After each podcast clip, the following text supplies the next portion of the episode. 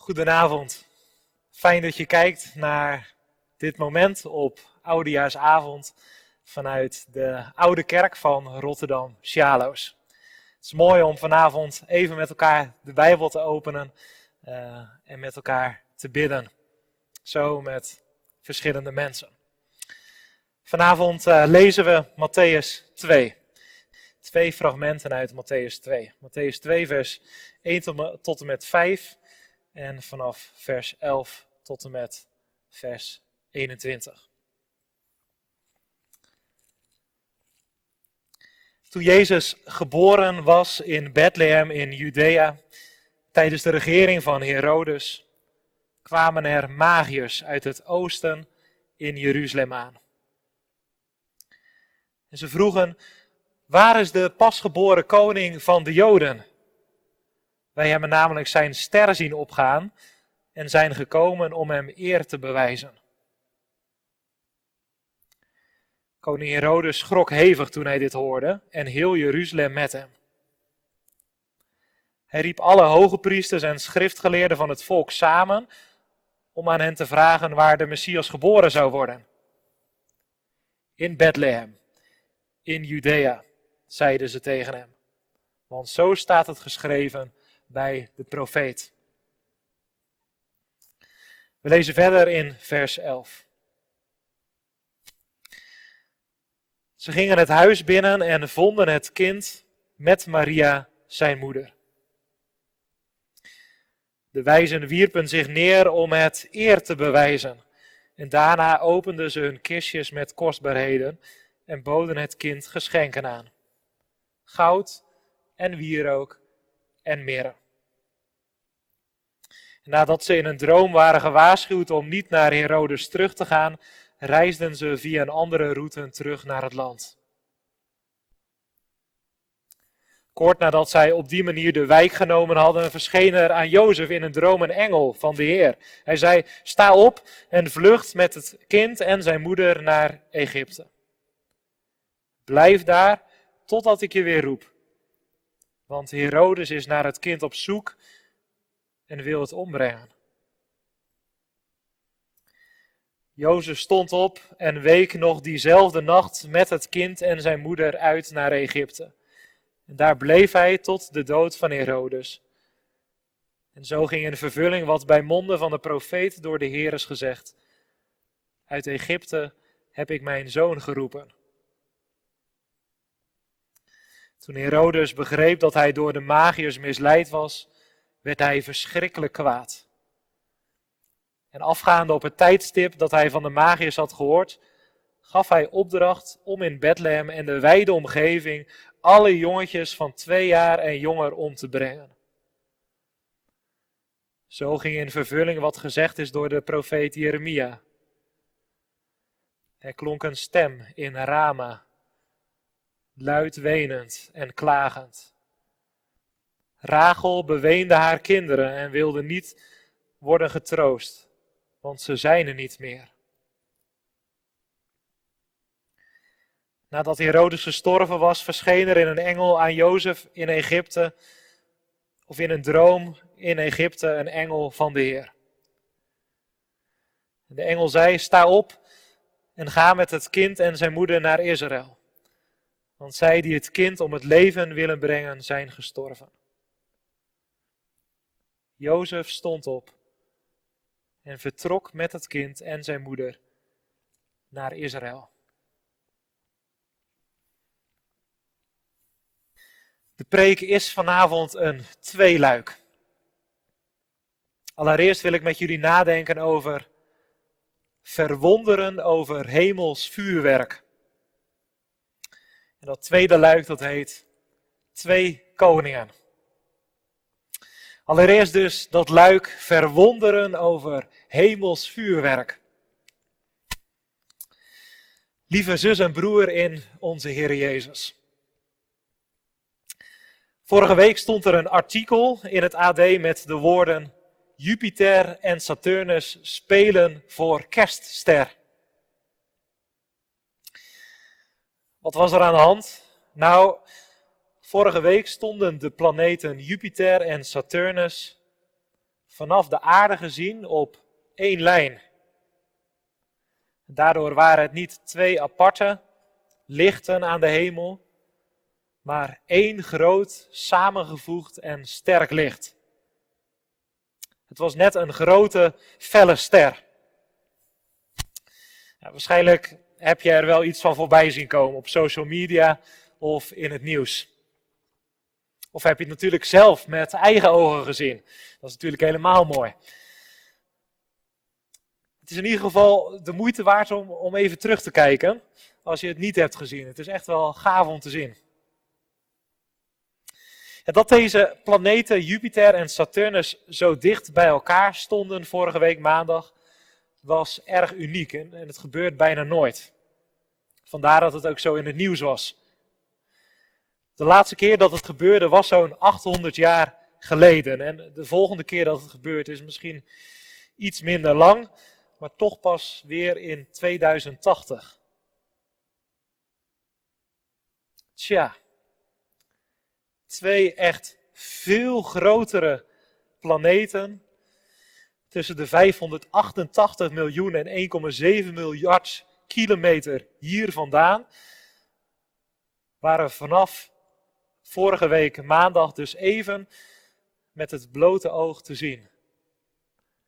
En ze vormden samen één groot licht. Het was indrukwekkend hemels vuurwerk. En waarom vertel ik dit allemaal? Nou, wetenschappers, sterrenkundigen, hebben berekend dat in het jaar 6 voor Christus ook zo'n fenomeen als afgelopen maandag heeft plaatsgevonden. Niet zomaar één keer, nee wel drie keer in één jaar.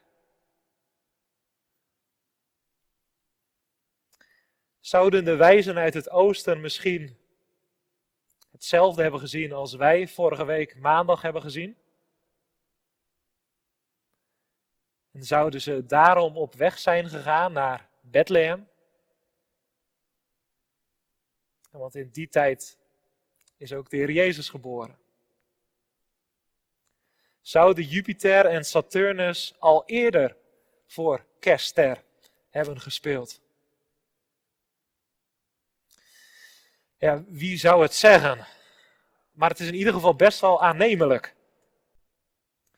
We weten dat de planeet Jupiter in de tijd rond Jezus' geboorte symbool stond voor de God van de hele aarde. Ja, de Romeinen hadden Jupiter uitgeroepen tot hun absolute hoofdgod. En de planeet Saturnus zag men als de ster van Palestina, het gebied waar Israël in ligt. Tja, en als die twee planeten dan op een unieke manier samenkomen. Dan ook nog eens een aantal keren in één jaar. Dan kunnen wij denk ik best wel goed inkomen dat de wijzen uit het oosten hebben gedacht. Volgens de sterren en planeten gaat er iets groots gebeuren tussen de God van de aarde en Israël. Laten wij daarom maar naar Israël gaan om het zelf te bekijken. De wijzen zagen een ster en ze gingen op weg. Ja, de komst van de Heer Jezus is blijkbaar niet alleen een gewoon, plat, aards gebeuren, maar het is veel breder en veel dieper en veel hoger. Ook het grote, nog steeds uitdijende universum viert en getuigt van Jezus' komst. Twee veel grotere planeten dan de aarde, die miljoenen kilometers van ons vandaan staan, kwamen net als afgelopen maandag ook rond de geboorte van Jezus samen om te verkondigen dat er in Israël iets groots is gebeurd tussen God en Israël. Ze verkondigden op de drempel van het Oude en Nieuwe Testament, van oud en nieuw, dat Jezus is geboren. Het is indrukwekkend hemels vuurwerk. De wijzen uit het oosten gaan op zoek na het zien van dit grootse, indrukwekkende schouwspel.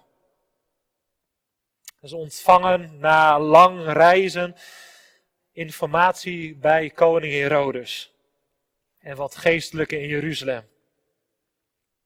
In Bethlehem, daar moeten jullie zijn.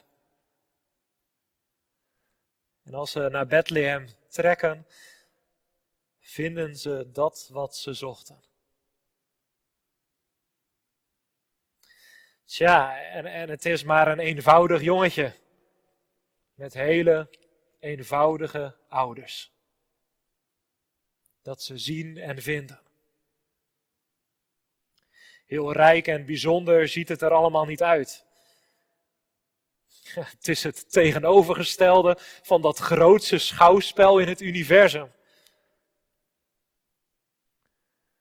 Maar deze geleerde mannen, die voelen wel aan in een soort heilige verwondering. Tja, als de planeten zelfs over hem spreken, dan kan het niet anders dan dat dit een heel bijzonder mens is. En in verwondering aanbidden ze hem. Ja, Jozef en Maria die, die staan er natuurlijk gewoon een beetje zo bij. En ik kan me zo voorstellen dat Jozef en Maria zich enorm hebben verwonderd. Voor alles wat er gebeurt. Hun zoon, nou ja, Gods zoon, allereerst geboren in een stalletje.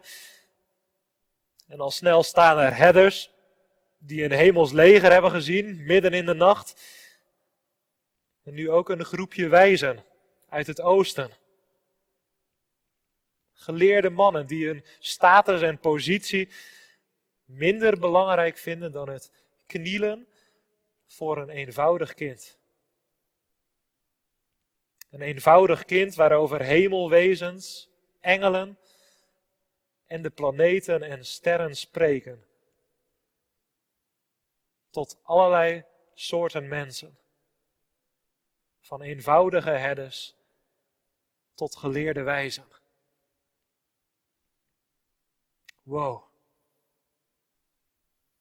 Ja, het moet wel opnieuw een dag van heilige verwondering zijn geweest voor Jozef en Maria enerzijds en de wijzen anderzijds. Daar op de drempel van het Oude en het Nieuwe Testament is God door Jezus met iets nieuws begonnen in Israël. En het universum getuigt ervan. Ja, en wij worden vanavond ook uitgenodigd om mee te verwonderen op onze drempel van oud en nieuw. Ja, vanavond is er een vuurwerkverbod. Er zal dus weinig tot geen vuurwerk zijn. Maar misschien is dat juist vanavond wel heel erg mooi. Want als het een beetje helder is, kunnen wij daardoor des te beter de sterren bekijken en ons verwonderen. Over dat hemelse, door God geschapen vuurwerk. Duizenden gasbolletjes en planeten. Die al rond de geboorte van Jezus getuigden van een nieuwe tijd die zal gaan aanbreken. Misschien helpt dat kijken naar de hemel ons ook wel om het evangelie van Jezus komst te zien als iets minder aards, iets minder plats. Om het te zien in het grotere geheel.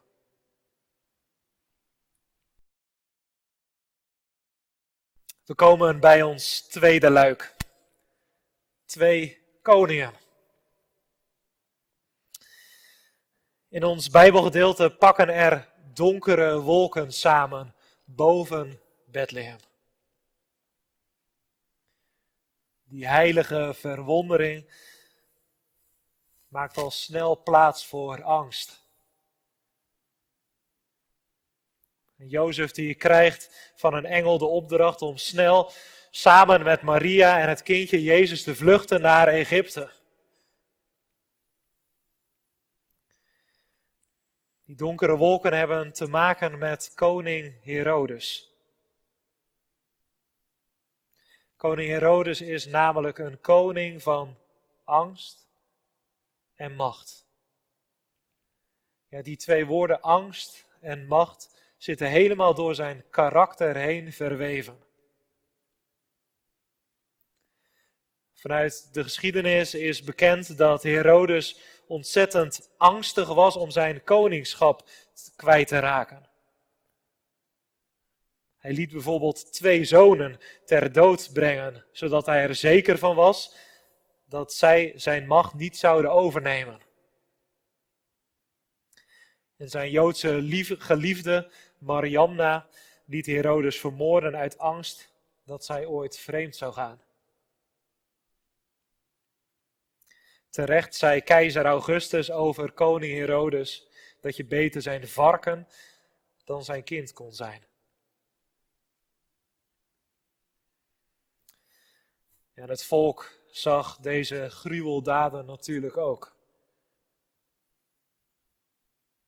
En om weer wat populairder te worden bij het volk dat met afschuw naar Herodes keek, bouwde Herodes daarom een grootse tempel. Met natuurlijk ook zowel zijn wapen erop. Maar het veranderde niet zijn reputatie. Herodes was een koning van angst en macht.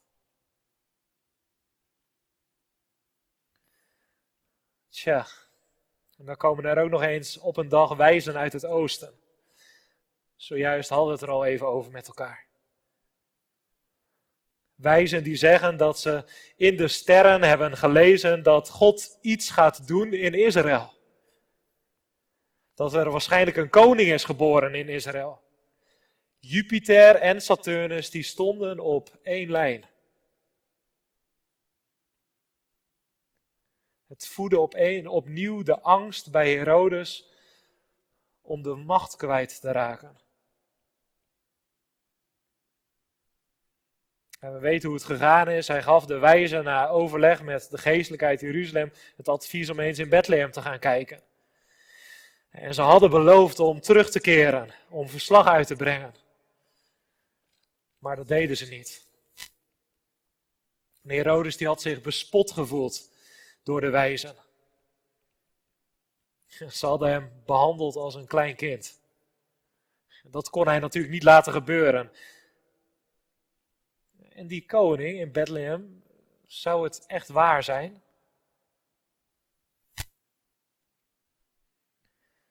En in de angst dat zijn macht ooit zou aflopen, dat er twee koningen zouden zijn, dat hij zijn koningschap ooit zal gaan verliezen, dood Herodes alle jongetjes tot twee jaar oud in het stadje Bethlehem.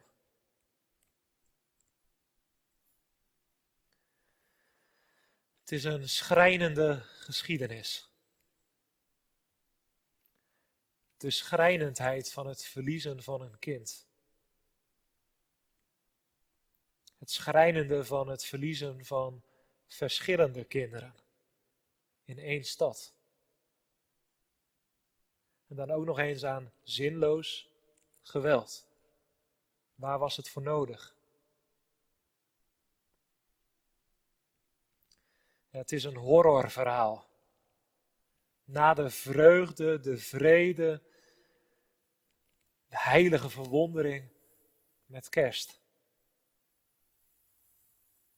Het is weer met beide benen op de grond worden gezet. Midden in de weerbastige realiteit van het leven. Ja, dit is waar angst en macht altijd naartoe leiden. Naar de dood. Naar de dood van kinderen. Naar de dood van de toekomst. Angst en macht zorgen voor schrijnende situaties. Ja, Herodes is de koning van angst en macht. Ja, en hebben wij daar dit jaar ook niet veel van gezien. Was de koning van angst en macht ook niet te vinden in het jaar 2020?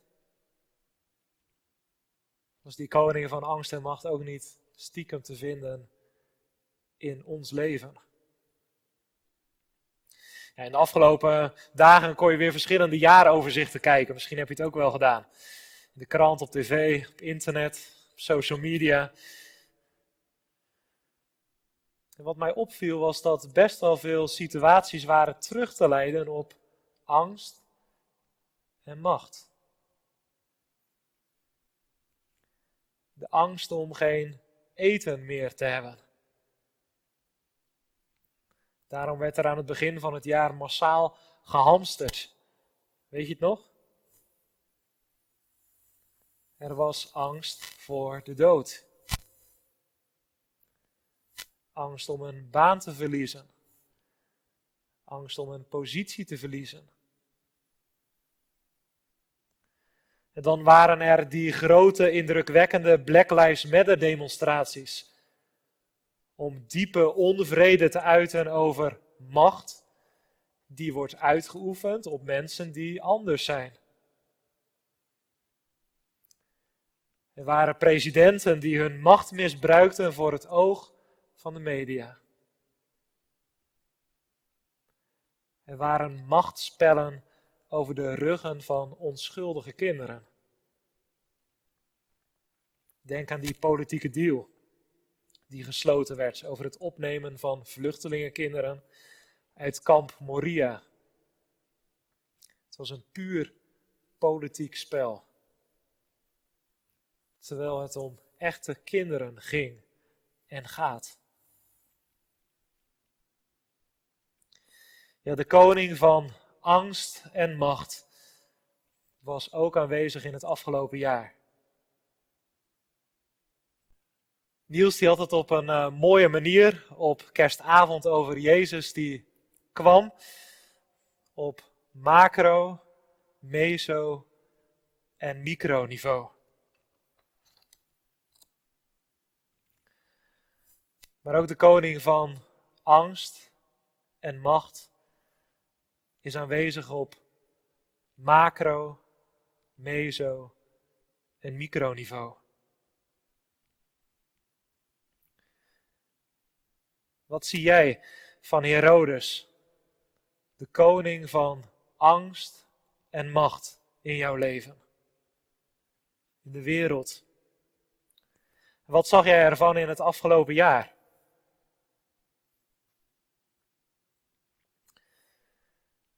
En het pijnlijke is bij dit soort situaties, is dat je soms zo ontzettend weinig van Jezus ervaart op zo'n moment.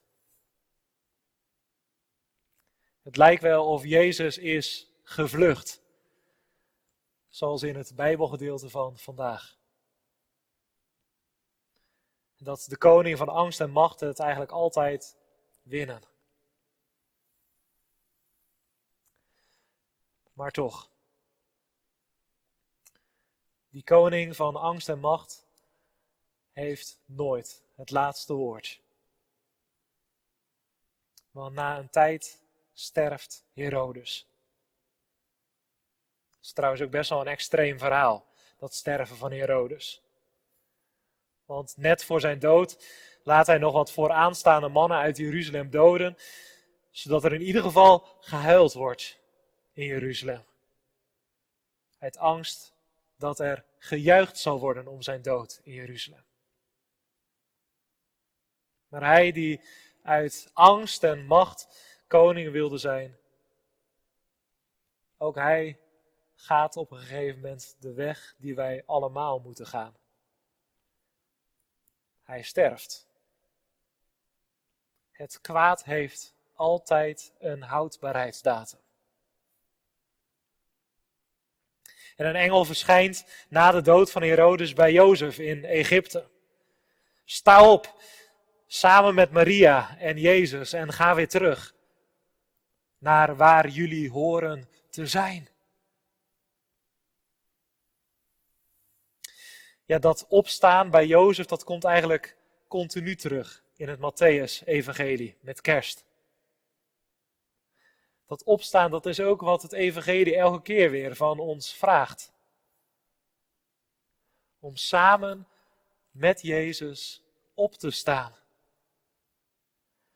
Samen met Jezus in de armen op te staan en op weg te gaan naar de plek waar God ons roept. Ja, deze Jezus in de armen van Jozef is echt wel een hele andere koning dan koning Herodes was. Deze Jezus in de armen van Jozef zal straks niet bezig zijn met de goedwil van mensen om een tempel te bouwen. Nee, hij zal gewoon naast de mensen staan in alle eenvoud. En mensen die hoeven ook echt niet meer naar de glanzende tempel toe om daar God te zien. God zal in de persoon van deze Jezus zelf naast hen staan. Ja, en deze Jezus die zal laten zien dat volmaakte goddelijke liefde angst uitdrijft. En hij daagt zijn leerlingen uit om in zijn liefde te verblijven, te wonen in zijn liefde. En Jezus, die zal geen kinderen doden. Nee, hij zegt straks juist, laat de kinderen tot mij komen. En verhinderen niet, want het koninkrijk van God is voor hen. Ja, en Jezus die pikt het wel als hij straks bespot wordt aan het kruis. En boven hem een bordje hangt met dit is de koning van de Joden. Hij wordt dan niet boos. Maar hij zegt juist, Vader, vergeef het hen, want ze weten niet wat ze doen.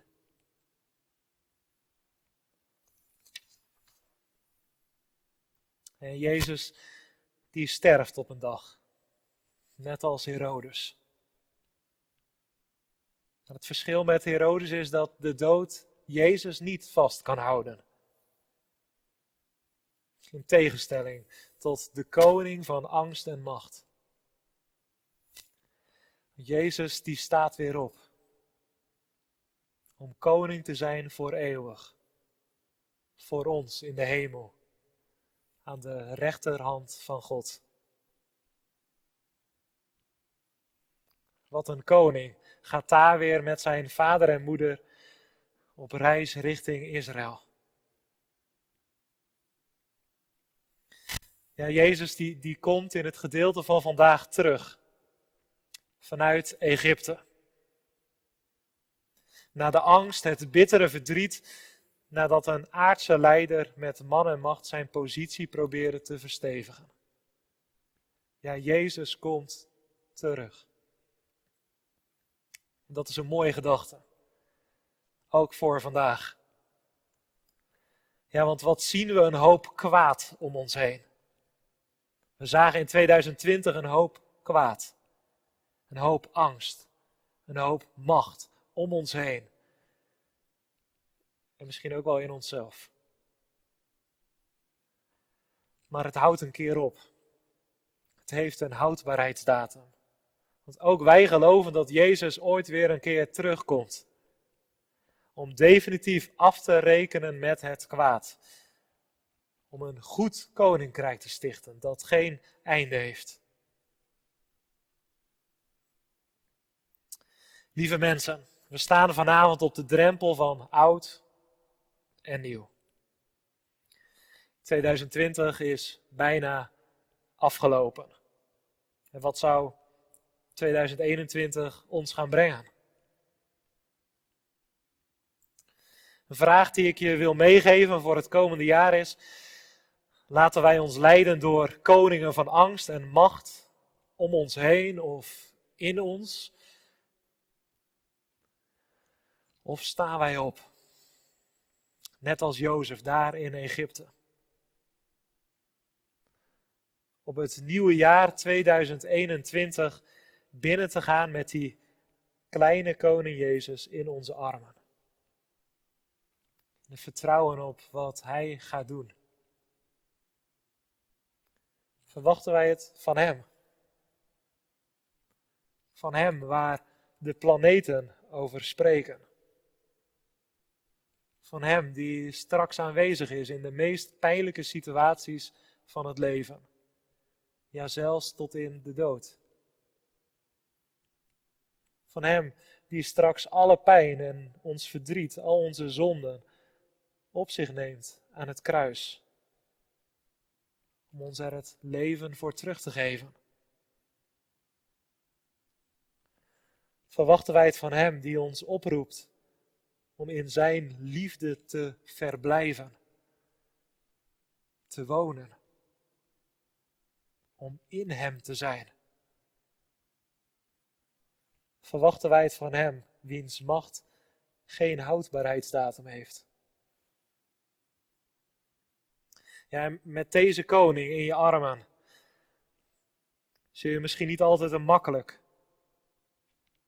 maar wel een goed en een gedragen 2021 hebben.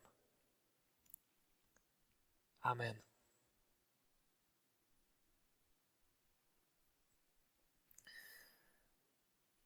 Laten wij met elkaar bidden.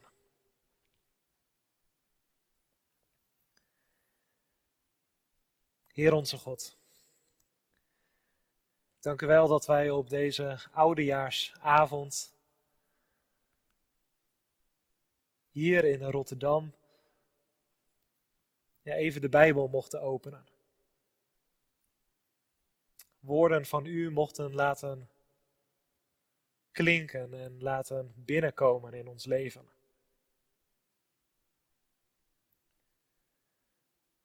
Dank u wel dat we mochten zien dat zelfs het universum getuigt en verkondigt wie u bent.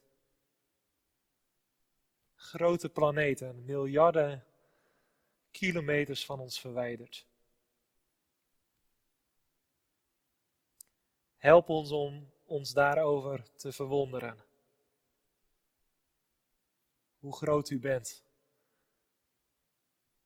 Dat het evangelie niet alleen maar iets aards is, maar dat het ons hele leven, de hele wereld, het hele universum omvat.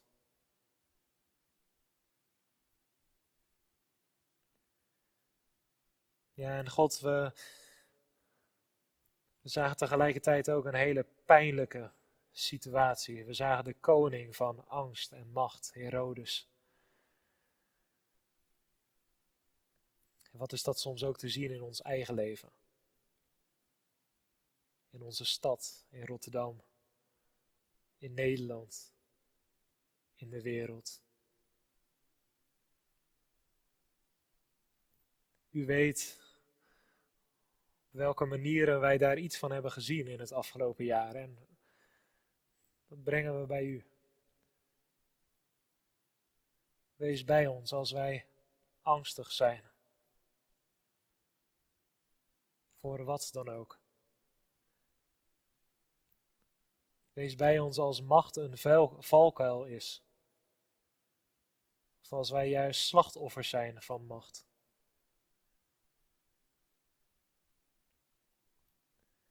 We bidden vanavond in het bijzonder voor weerloze kinderen.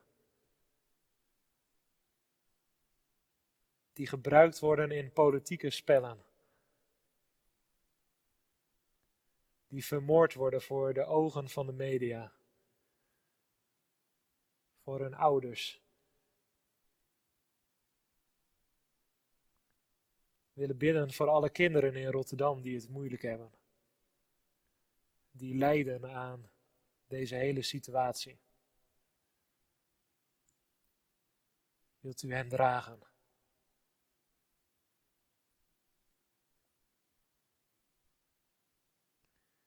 willen vanavond bidden voor onze stad, voor vrede, voor veiligheid. Dat er geen gekke dingen zullen gebeuren. We willen bidden voor alle hulpdiensten die op stand staan. Wilt u bij hen zijn, ze kracht en moed geven.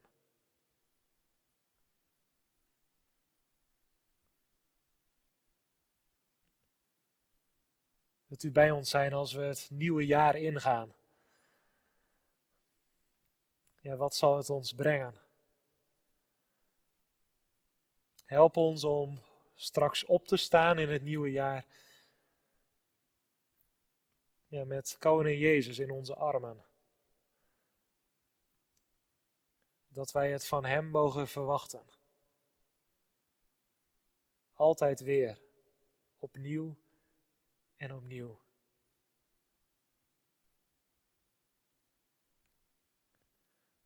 Wij bidden ons avondgebed. Heer, blijf bij ons, want het is avond en de nacht zal komen. Blijf bij ons en bij heel uw kerk aan de avond van de dag, aan de avond van het leven aan de avond van de wereld. Blijf bij ons met uw genade en goedheid, met uw troost en zegen, met uw woord en sacrament. Blijf bij ons wanneer over ons komt de nacht van beproeving en van angst. De nacht van twijfel en aanvechting. De nacht van de strenge, bittere dood. Blijf bij ons in leven en in sterven, in tijd en eeuwigheid.